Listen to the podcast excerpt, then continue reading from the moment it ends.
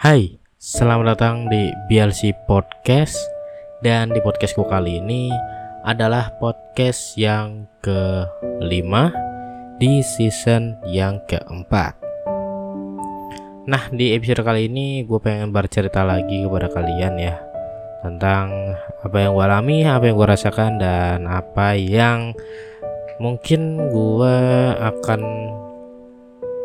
jalani nantinya gitu ya jadi so untuk episode kali ini marilah kita bahas tentang perjalanan hidup ya, perjalanan hidup yang mungkin banyak orang yang ngerasain juga kalau ada yang perjalanan hidupnya itu mulus ya. Seperti jalan tol ada juga perjalanan hidupnya yang uh, penuh lika-liku penuh dengan kerikil gitu ya. Jadi bermacam-macam gitu ya Nah jadi kita akan coba bahas itu ya. Maksudnya gua bakal coba bahas itu dengan versi gua gitu ya, dengan versi yang gua rasakan gitu ya, gua alami sendiri gitu ya. Jadi uh, di sini gua pengen mulai dulu kalau gua mulai kayak merasakan perjalanan hidup gua itu ketika gua beranjak lulus dari bangku sekolah gitu ya. Jadi ketika ketika gue masih sekolah itu gue kayak belum merasakan perjalanan hidup yang bener-bener perjalanan hidup gitu loh. Jadi kayak masih ya udahlah cuman untuk mencari jati diri aja cuman untuk mencari pengalaman aja gitu. Tapi setelah gua kelar dari bangku sekolah gitu ya di situlah gue mulai merasakan yang namanya perjalanan hidup beban yang harus gue tanggung terus eh, masalah-masalah yang harus gue hadapin dan banyak hal lain juga yang pokoknya harus gue tanganin sendiri gitu lah karena ketika kita sudah beranjak remaja menuju dewasa itu adalah masa-masa di mana kita akan dipertemukan oleh berbagai macam masalah ya. Berbagai macam rintangan yang harus kita hadapin gitu ya. Dan gimana caranya buat kita menyelesaikan masalah-masalah tersebut. Nah di sini gue pengen uh, share aja kepada kalian ya apa aja sih masalah-masalah yang gue pernah hadapin dan gimana cara gue untuk mengatasinya gitu. Bahkan sampai sekarang pun ada juga masalah yang emang belum bisa gue pecahkan masalahnya tapi ada juga yang sudah bisa gue pecahkan gitu. Dan gue akhirnya berdamai dengan itu semua. Gitu. ya kita mulai aja. Uh, dulu ketika gue habis lulus ya lulus dari sekolah bangku persekolahan ya. Jujur aja gue nggak kuliah jadi gue tamatan SMK aja. Jadi uh, setelah itu gue baru menemukan yang namanya kesulitan dalam mencari pekerjaan ya waktu itu ya. Uh, mungkin teman-teman gue yang lain gitu ya gue setelah lulus sekolah itu kan gue ngeliat teman-teman gue yang lain tuh kayak uh, cepet banget gitu mendapatkan pekerjaan gitu ya. Kayak dia baru lulus jarak baru seminggu atau dua minggu dia sudah mendapatkan pekerjaan. Dan itu di tempat yang menurut gue cukup enak lah. Enak tuh dalam artian pendapatannya lumayan besar gitu ya. Seperti itu. Nah di situ timbullah rasa kayak kok bisa ya? gitu. Kayak rasa pertanyaan kok bisa ya dia tuh cepet banget dapat ini? Dan dapatnya pun di tempat yang lumayan gitu loh menurut gua gitu ya. Sementara gua udah coba nih ngelamar ke sana kemari ke sana kemari susah gitu sulit dan jangankan uh, kayak misalkan gue dapet panggilan untuk interview atau apa gitu ya ini dipanggil pun nggak ada sama sekali gitu. Entah gue nggak ngerti apakah profil gue kurang menarik buat mereka atau gimana gitu ya. Gue gue nggak ngerti itu apa yang salah. Karena gue juga waktu pertama-tama bikin kayak gitu gue juga coba cari tahu dari kayak lewat YouTube Google. Pokoknya gue cari tahu gitu. Cuman tetap aja gitu. Kayak nggak ada satu respon dari perusahaan mana pun itu yang melirik profil gue gitu. Sampai akhirnya kayak gue ngerasa gue ngerasa kayak frustasi gue kayak ngerasa kenapa ya apa yang salah dengan diri gue gitu. Kenapa? Kayaknya tidak ada satupun perusahaan yang tertarik dengan profil gue gitu dengan diri gue gitu. Kenapa sampai akhirnya uh, ketika gue udah menyerah akhir akhirnya ya ujung-ujungnya kita menggunakan orang dalam ya. Itu menggunakan orang dalam yang di mana itu uh, teman dari kakak sepupu gua gitu. Kakak sepupu gua punya teman dan temannya itu uh, bekerja di sebuah perusahaan itu dan dia katanya bisa mengasuhkan orang gitu dan akhirnya gue dimasukin lah di situ. Yang tadinya gue mengira kalau gue bakalan ditempatkan ya udah kerja biasa aja menjadi operator pabrik operator mesin atau operator apalah pokoknya ya udah buruh aja gitu loh. Tapi ya gue nggak tahu ya mungkin tuh jalannya gue kayak di situ mayoritas yang masuk itu banyak kan perempuan dan laki-lakinya di situ cuma tiga termasuk gua. Jadi tiga laki-laki sisanya perempuan. Itu totalnya mungkin ada kali 20 orang atau berapa ya yang pada waktu gelombang gua itu masuk gitu ya. Nah di situ kebetulan uh, eh, HRD-nya lagi mencari siapa yang bisa uh, menjadi admin gitu ya. Dia dibutuhkan lowongan untuk admin di bagian Exim. Bagian Exim itu adalah bagian yang mengurus untuk kayak perizinan keluar masuknya barang dari satu perusahaan ke perusahaan lain ataupun beda beda perusahaan maksudnya gimana ya? Beda kawasan gitu ya. Misalkan di, dari satu kawasan itu kan kawasan kayak internal. Nah ntar kalau misalkan keluar dari kawasan tersebut itu adalah eksternalnya gitu ya. Nah itulah bagian dari tugasnya itu loh dari tugas eksim itu memberikan dokumen surat jalan seperti itu. Yang nantinya itu akan berhubungan dengan orang-orang biaya cukai gitu ya. Jadi di situ ditanyain ya pertama di sini siapa yang bisa komputer? gitu kan. Siapa yang mengerti gitu mengoperasikan komputer dasar-dasarnya. Sebenarnya ada banyak juga yang nunjuk tangan gitu ya termasuk yang cewek yang cewek-cewek itu banyak banget juga yang uh, mengacungkan jari gitu. Artinya mereka sanggup gitu. Terus sedangkan yang cowok hanya gua seorang gitu yang mengacungkan jari gitu. karena nggak tahu kenapa gua refleks aja gitu kayak mengacungkan jari gitu. Dan ternyata kebetulan dia juga mencari seorang laki-laki gitu ya untuk menjadi uh, adminnya gitu dan di situlah gue ditawarin dan dicoba dites. Dites untuk uh, masuk ya, di bagian tersebut ya kan. Dikenalkanlah salah satu orang pegawainya pegawai apa ya karyawannya di situ. Yang di bagian eksim itu di, dikenalin lah gue terus gue diajarin lah gitu. Itu inget banget gue namanya Mbak Wulan ya. Itu pertama pertama gue dikenalin ya dia yang ngajarin gue cara caranya step stepnya seperti ini seperti ini dan awal-awal emang gue rada bingung gitu dengan sistemnya karena itu bukan sistem kayak yang biasa gitu ya bukan kayak dari Word atau Excel ya, atau PowerPoint bukan ya. Jadi kayak dia punya aplikasi khusus gitu terus kita harus membuat dokumen itu kita harus ketik nanti dari surat jalan kita masukkan nominal angkanya ya kan? Nominal uh, rupiahnya nama barangnya harganya berapa kita harus masukin ya di situ. Jadi di situ uh, eh, gue pertama-tama hari pertama agak kesulitan. Cuman uh, eh, gue diberi kesempatan mungkin sekiranya satu minggu ya kan? Untuk bisa setidaknya memahami itu semua dan bisa mengerjakan gitu. Walaupun masih agak lama gitu ya dan alhamdulillahnya gue bisa gue bisa mengerti gue bisa menangkap itu semua gitu.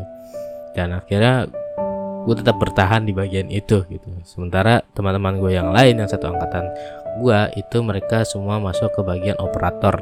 Ada juga di bagian uh, apa namanya bagian gudang ya bagian warehouse gitu ya. Ada juga yang di sana dan kesan pertama gua ketika gua menjalankan tugas itu adalah ya gue sering keteteran gitu. Karena namanya perusahaan gitu ya perusahaan terus dia tuh kan kayak perusahaan yang bekerja sama dengan vendor-vendor lain gitu ya beberapa vendor. Jadi uh, mereka kan memesan gitu memesan di perusahaan kita perusahaan gua dulu itu untuk membuatkan suatu barang gitu ya. Nah dan itu akan continue terus gitu setiap hari. Bukan hanya setiap hari setiap jam gitu ya. Jadi pasti ada terus ada terus gitu loh. Makanya uh, eh, gue tuh dibikin tiga shift gitu ya. Dan dulu tuh ada senior senior gue ada bapak Yongki terus ada ibu Bulan ibu Bulan apa siapa? Ya eh bukan. Ibu Sri. Ibu Sri gue lupa. Ibu Sri ibu Bulan sama ibu eh bapak Yongki. Itu itu partner gua dulu ya. Dan gue di situ yang paling muda saat itu ya. Paling muda ya. Yang lainnya udah ya sudah berkeluarga semua. Di situ gue paling muda dan nggak lama dari situ uh, senior senior gue ada yang resign gitu ada yang keluar. Akhirnya ditambahkanlah orang-orang baru yang masih muda juga gitu. Dan masuklah teman gue dulu namanya Oki ya namanya Oki. Itu dulu dia uh, lulusan sarjana dan di situ gue merasa kayak terintimidasi. Gitu, terintimidasi.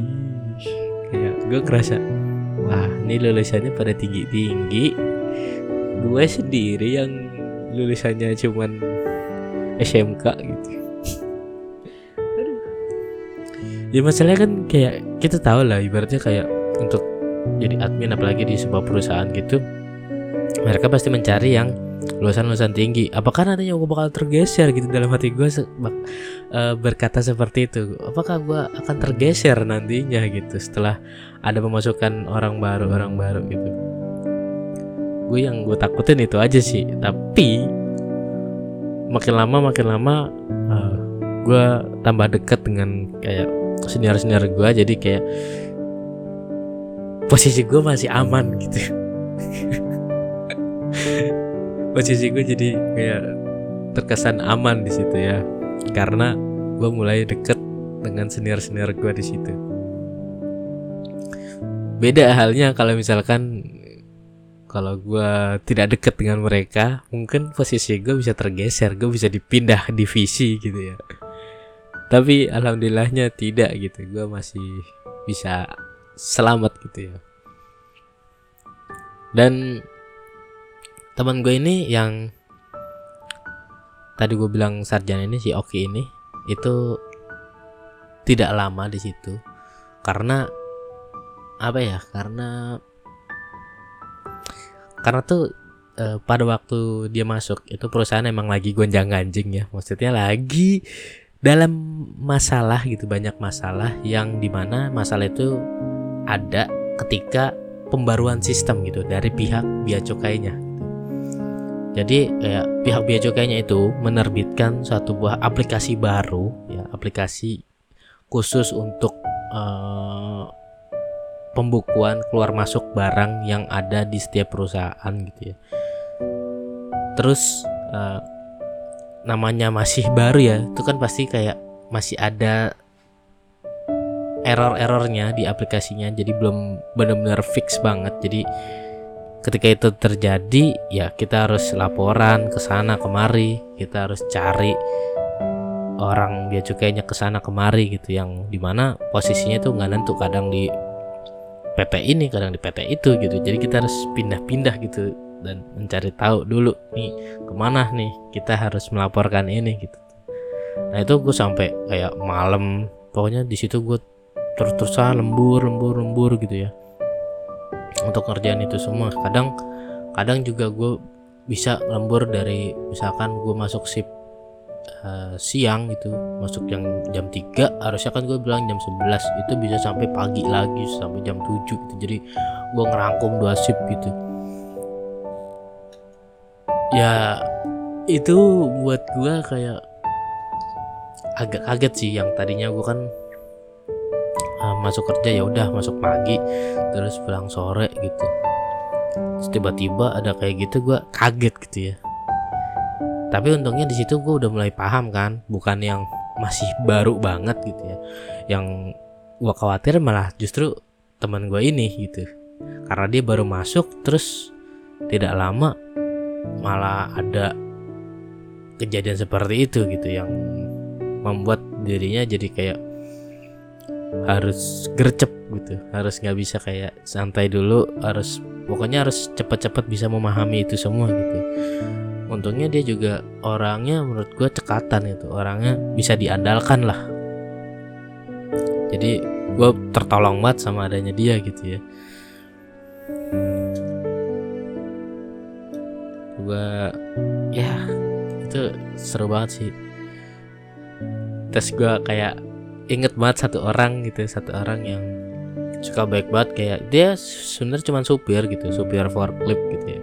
Tapi suka ngebantuin gue kalau misalkan di waktu senggangnya dia lagi nggak ada barang yang ingin dinaikkan ke truk gitu suka ngebantuin gue dan teman gue itu. Jadi kalau misalkan ada ke mana gitu pasti kita minta anterin dia. Bang anterin dong ayo dong gitu. Namanya Pak Uang ya gitu. Pak Uang. Tapi gue sering manggilnya bang gitu. Bang anterin bang ke mana? Ke PT ini gitu. Oke ayo. Mana motornya? Mana motornya? Karena di situ kita juga disediakan motor operasional ya untuk divisi gue doang gitu. Karena emang divisi gue tuh divisi yang mobile gitu yang harus serba bisa ke mana-mana gitu. Karena ya berurusan kita itu emang dengan orang luar bukan dengan orang dalam doang. Jadi kita disediakan motor operasional. Kadang kalau misalkan diperlukan juga ya dipinjamkan lah mobil operasional dari perusahaan gitu ya untuk melakukan apa kegiatan di luar gitu. Dia super baik banget. Jadi dia ngertiin banget gitu ya mau nganterin gue ke mana-mana gitu sama teman gue juga ke mana-mana gitu. Makanya the best tuh Pak Uang ya. Dan orang itu super super kocak lucu gitu. Dan di sini gue merasa seneng gitu walaupun gue kurang istirahat gitu ya. Tapi gue seneng karena orang-orangnya yang menurut gue tuh asik gitu ya. Terus nggak lama setelah itu kayak teman gue akhirnya cabut resign karena dia katanya udah mendapatkan pekerjaan lain gitu yang lebih baik gitu ya. Dari segi gaji dari segi uh, pekerjaannya juga yang lebih baik gitu ya. Di berpamitan sama gue ya gue sebenarnya agak sedih juga sih cuman ya bagaimana namanya orang udah punya rezeki yang lain yang lebih baik ya masih kita tahan-tahan gitu kan. Tidak tidak bisa juga dong akhirnya dia pergi dan tidak lama ya kita harus cari penggantinya dong tidak lama uh, masuklah seorang cowok juga gitu dan ini juga jadi the best friend gue juga nih berikutnya ya. Jadi dia adalah uh, tetangganya dari security yang ada di perusahaan gue itu dan security itu juga temannya dari kakak sepupu, kakak sepupu gue gitu. Jadi kakak sepupu gue kan uh, itu security dan dia pernah uh, kerja bareng sama dia dan tapi sekarang dia udah berbeda dia di perusahaan ini dan kakak sepupu gue di Jakarta di perusahaan ini dulu gue di Cikarang akhirnya dia punya kenalan uh, tetangganya terus dia masuklah di tes yang gue lucu ya. Ini gue lucu banget sumpah. Lucu banget. Dia baru datang kan pagi ya kan? Pagi datang masuk ke ruangan. Ke ruangan bagian gue ketemu sama manajer gue terus ditanyain dong kamu bisa apa? Kamu bisa komputer. Bisa pak. Oke sekarang kamu pulang. Nanti malam kamu langsung masuk dia kaget. Pas waktu dibilang sekarang kamu langsung pulang. Dikira dia waduh anjir gue langsung ditolak gitu. Tapi itu belum kelar langsung dilanjutin lagi. Nanti malam kamu langsung masuk jam 11 oke? Okay? anjir dia baru baru datang ya baru banget masuk tiba-tiba langsung disuruh ngerjain sesuatu kerjaan yang lagi kacau berantakan. Karena emang butuh orang untuk berjaga di jam 12 malam itu. Gila banget sih. Kocak banget gitu. itu kesan pertama gue ngeliat dia kayak yang mukanya langsung shock gitu kaget ya kan. Kenapa pak? Nanti malam kamu masuk jam 11 malam gitu ya datang sini. Anjir anjir. Itu gue kocak banget sih ngeliat itu. Dari situlah gue lama-lama jadi uh, deket sama dia kenal kenal kenal deket. Bahkan gue juga sempet yang namanya satu kontrakan sama dia walaupun di rumahnya deket dari situ cuma di daerah Bekasi doang. Tapi ya namanya kerjaan kacau gitu ya kan. Kayak sewaktu-waktu itu kayak kita dibutuhkan gitu untuk masuk gitu. Makanya dia memutuskan yaudahlah gue ngontrak bareng lu aja. Ntar kalau misalkan Sabtu Minggu gue balik ke rumah. Jadi kalau di hari-hari biasa hari-hari kerja gue tidur di kontrakan lu. Soalnya kan kita juga beda shift gitu kan beda beda shift lah pokoknya gue sama dia tuh pasti selalu beda shift karena uh, satu divisi kan itu shiftnya ada pagi siang sore. Nah itu pasti beda shift jadi kayak misalkan gua terus tar shift gua shift satu dia shift dua ntar ada lagi shift tiga kayak gitu. Jadi gue pasti selalu beda shift nggak pernah bareng satu shift gue bareng satu shift itu pas waktu gua awal-awal doang. Pas waktu dia udah bisa udah lancar ya udah kita dipisah. Gue shift satu dia shift dua ntar kayak gitu ya diulang-ulang terus. Jadi ketika gua masuk dia istirahat tidur. Tergantian ketika gue istirahat dia masuk kayak gitu aja terus. Jadi ya udahlah gue tertolong terbantu juga dengan kedatangan dia gitu.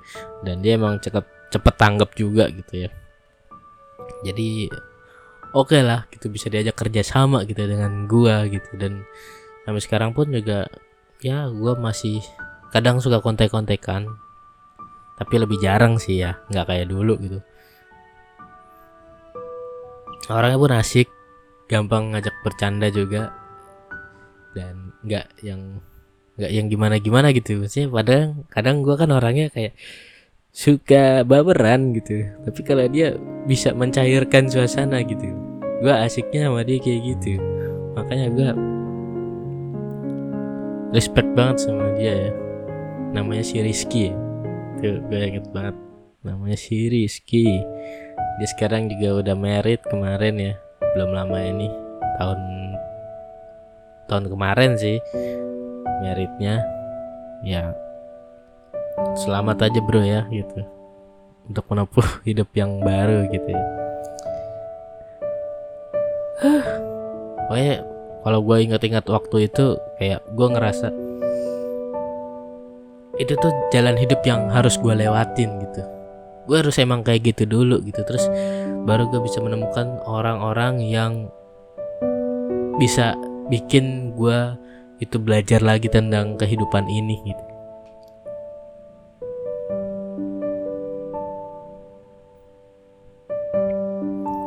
Karena nggak semuanya kita bisa belajar sendiri. Karena kita juga butuh orang lain untuk mengajari kita bagaimana caranya untuk menjalani sebuah kehidupan tuh. Siapa tahu orang lain itu punya tips-tips atau cara-cara lain untuk mengatasi atau melewati masalah-masalah seperti ini gitu seperti itu.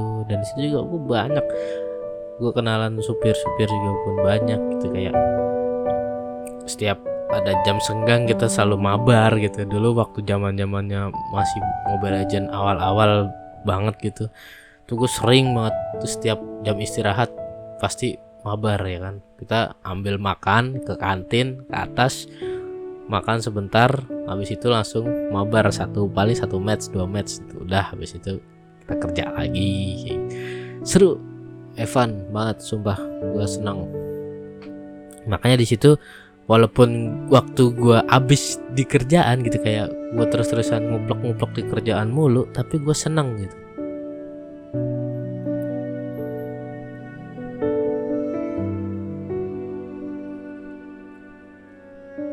Jadi gue kalau ketika gue pulang ke rumah gue cuman butuh istirahat gitu kayak ketika gue pulang ke rumah ya udah gue tinggal tidur meremin mata istirahat. Ketika gue balik ke kerjaan lagi ya udah gue fight lagi. Sampai ketika gue paling sebel gue nih kalau misalkan gue shift malam ya shift pokoknya malam ke pagi. Dari jam 11 sampai jam 7 pagi itu gue paling sebel. Karena ngantuknya ngantuknya men gak bisa ketahan ngantuknya itu. Apalagi kalau lu cuman duduk di depan komputer itu ngantuknya naujubillah susah. Mau lu udah minumin kopi ya. Terus lu udah makan tetap aja ngantuknya ketolongan. Nah itu kalau misalkan gue udah ngantuk kayak gitu sedangkan kerjaan numpuk ya gue nggak bisa apa-apa lagi men.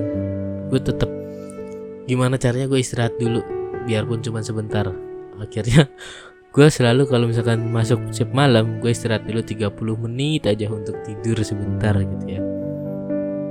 30 menit itu karena udah gue nggak kuat banget gitu.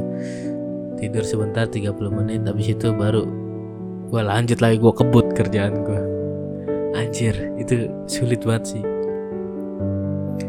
Sulit banget untuk nahan ngantuk. Karena ya susah men gitu. Emang susah karena ya kita kan biasa untuk tidur malam ya. Terus tiba-tiba harus melek ma melek malam dan ya depan laptop ketik-ketik itu doang. Ya lu tahu lah kalau yang misalkan kerjaan lu di depan laptop kadang juga kalau kita siang nih ngerjain di depan laptop doang terus duduk gitu pasti ngantuk men. Sumpah ngantuk. Dan solusi gue juga di situ kayak paling gue ngedengerin musik musik yang yang apa pokoknya yang membuat semangat gitu loh. Jangan yang galau-galau ya kalau galau tambah ngantuk. Pokoknya yang semangat gitu biar gue melek gitu kayak gue nggak ngerasa sendirian gitu. Kalau gue ngerasa sendirian sepi pasti awalnya udah uh pulas banget gue sampai pagi ya kan Nah, ntar kalau misalkan udah kelar nih subuh subuh nih biasanya kalau udah subuh subuh tuh udah kerjaan udah mulai dikit ya kan? Karena udah dikebut dari semalam gitu sama uh, pihak deliverynya gitu. Surat jalan dari kebut udah gue kerjain subuh. Gue bisa tidur sebentar tuh. Dari jam 5 habis sholat subuh sampai jam 6 itu gue bisa tidur sebentar. Nanti biasanya kalau udah mulai menjelang pagi ada lagi nambah. Ya nambah. Nanti kalau masih ada sisaan ya udah lemparin ke yang sepagi. Kayak gitu aduh parah banget dah. Itu inget banget ke waktu-waktu dulu tuh sampai ya susah gua untuk istirahat aja. Kayak waktu gua itu lebih banyak di kerjaan daripada di kontrakan. Ya walaupun gaji tidak nambah gaji cuma segitu-gitu aja cuman waktu gue terporsir di di kerjaan seperti itu guys ya. Tapi dari itu semua gue belajar tentang banyak hal gitu kayak dari segi pertemanan lingkungan kerja mana orang-orang yang kayak munafik yang ibaratnya baik di depan kita tapi di belakang ngomongin kita. Itu juga gue juga belajar di situ. Itu awal mula gue uh, bisa memahami artinya kehidupan gitu karena nggak semuanya itu ternyata mulus. Ada juga orang-orang yang uh, di depan kita nih gitu baik gitu ya kan. Kayak selalu bercandain kita muji-muji kita tapi di belakangnya kita diomongin. Itu juga ada gue temuin di di sana gitu di tempat gue kerja dulu gitu ya.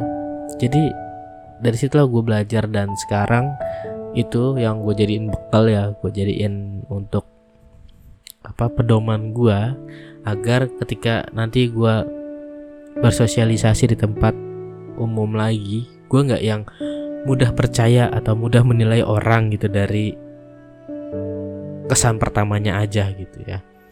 Karena memang ada juga yang orang dari kesan pertamanya tuh kayaknya orang ini tidak ramah gitu tidak baik tapi setelah kita kenal orang ini justru malah baik banget sama kita gitu. Kayak contohnya gue ada ini senior gue juga gitu ya.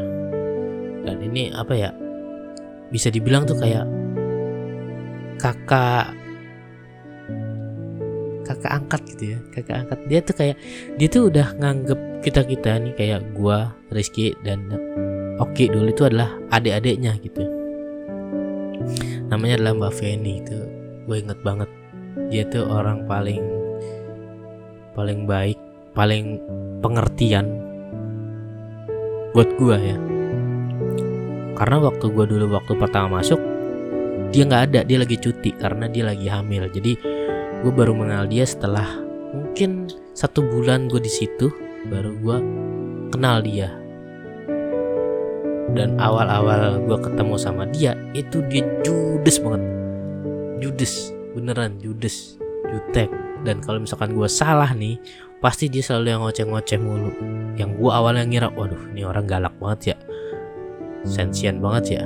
Tapi setelah um, waktu berjalan ya kan berjalan dengan waktu lama-lama kenal-kenal dia adalah orang yang paling baik yang paling ngerti kondisi gue dan dia pun yang selalu ngasih nasihat ke gue kalau misalkan gue ada salah atau gimana. Dan dia yang selalu nge-backup gue kalau misalkan kerjaan gue ada yang salah pasti dia selalu yang kayak nolongin gue nutupin gue gitu. Ngebantuin gue tuh gue nggak bisa lupa sih dengan jasa-jasanya dia. Sebenarnya gue juga apa ya kayak nggak enak kalau tiba-tiba menghilang gitu. Temen kondisi gue yang sekarang kayak gue malu kalau harus ketemu dia gitu padahal gue sangat-sangat apa ya kagum banget sama dia gitu. Karena dia orang yang paling baik super baik menurut gue ya waktu gue selama di kerja di sana. Dia tuh udah kayak orang tua gue kakak gue temen gue jadi ketika gue ada masalah apa pun gue curhat sama dia. Dan dia selalu ngasihin nasihat-nasihat yang sekarang gue pikir ternyata benar gitu ternyata benar juga gitu. Dan dia pun gak sungkan dengan menceritakan masalah-masalah dia gitu. Pada gua pada teman gua yang satunya juga. Kayak kita tuh udah kayak saudara aja kayak udah kakak beradik gitu. Yang nggak mandang dia siapa nih siapa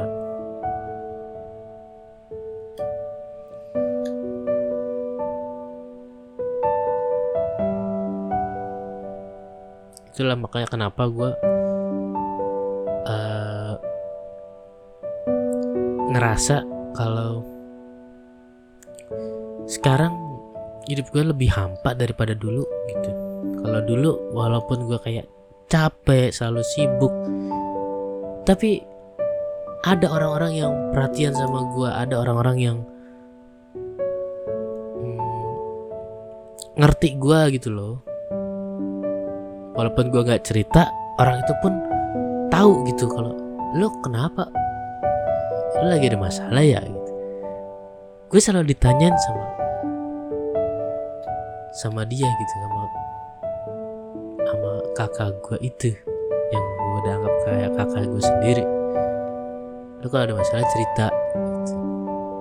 jangan sampai kalau ada masalah kerjaan lo jadi berantakan gitu. Gue sampai digituin gitu kayak dia aja yang bukan keluarga kandung gue tuh ngerti gitu tentang apa yang gue rasain apa yang gue alamin gitu. Sementara kayak keluarga gue sendiri yang kandung gitu kadang justru malah kurang peka dengan apa yang gue rasain gitu.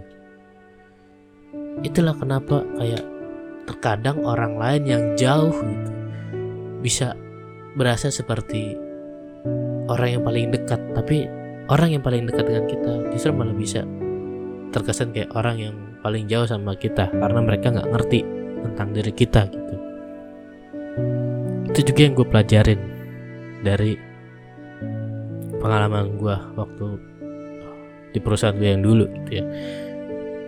Itu adalah satu jalan hidup gue yang sangat berkesan menurut gue ya sangat-sangat membuat gue tuh banyak dapat pelajaran di situ. Dan dia juga merupakan seorang wanita tangguh yang selalu mati-matian bertarung, fight untuk demi menghidupi keluarganya, keluarga kecilnya dengan anak-anaknya gitu. Salut banget sama dia dan dia juga nggak mementingkan dirinya sendiri gitu. Kalau ketika bekerja dia juga mementingkan orang lain gitu. Kayak jadi ya kalau kerja nggak egois gitu. Gue selalu belajar sama dia kalau untuk bekerja janganlah kita egois. Kita juga harus bisa uh, membantu gitu orang lain. Walaupun ya mungkin gak bisa semuanya gitu. Tapi setidaknya kita bisa membantu meringankan orang lain gitu. Itu yang gue pelajarin juga. Jadi ya. Ada kata-kata lagi sih yang bisa gue ungkapin buat buat dia ya orang itu ya. Itu kakak terbaik gue waktu gue di sana ya.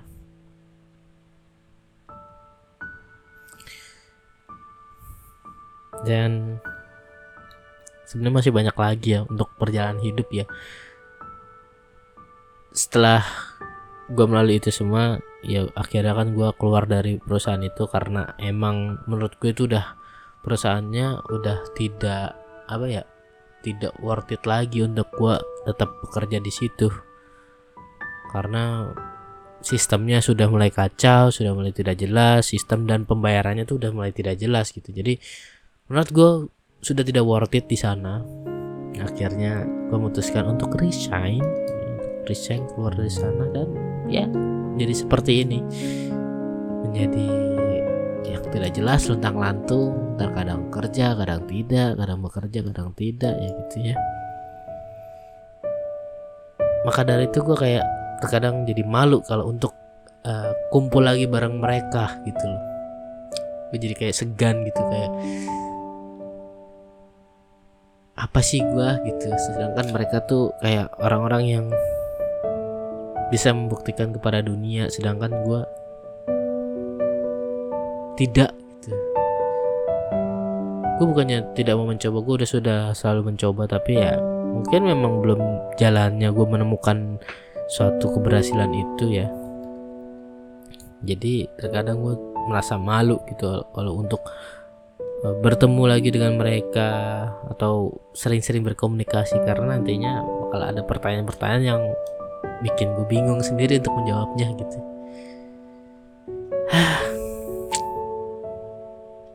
ya udahlah ya itu adalah suatu perjalanan hidup yang mungkin harus gue lewati juga. Dan sampai sekarang juga gue belum menemukan cara gimana sih untuk bisa bangkit dari masalah ini gitu.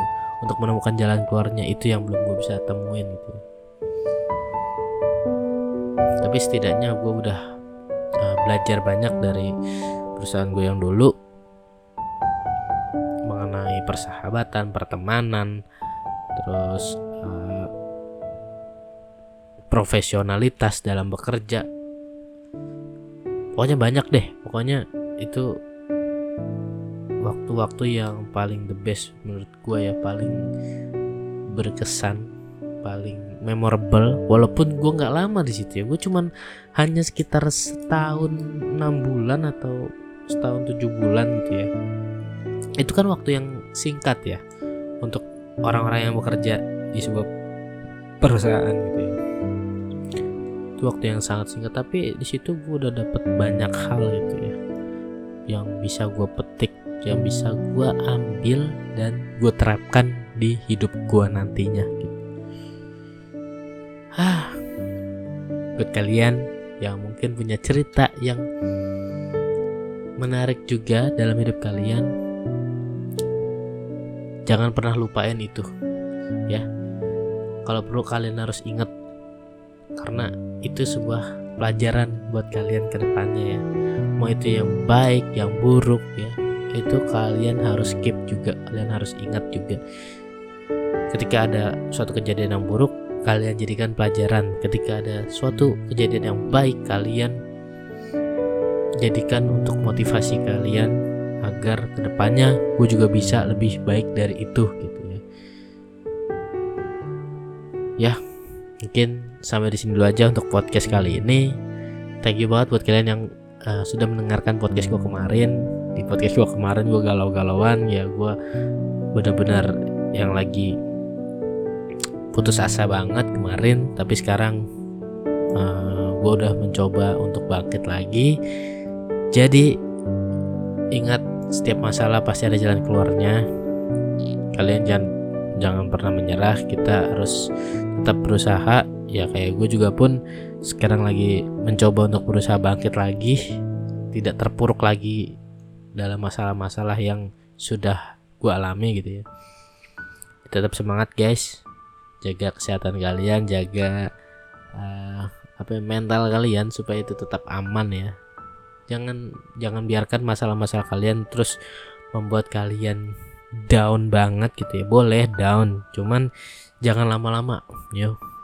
Jangan lama-lama kalian harus bangkit bangun bangun bangkit.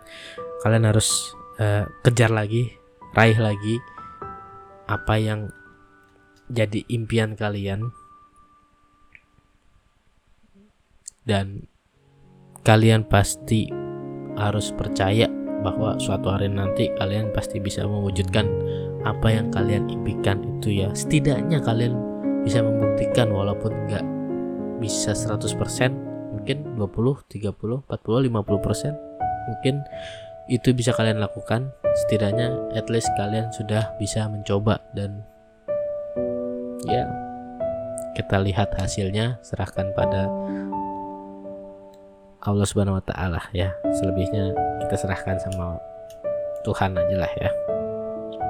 Karena rezeki semuanya sudah ada yang mengatur, kita tinggal menjalani dan menerima gitu ya. Oke, okay, see you on the podcast guys.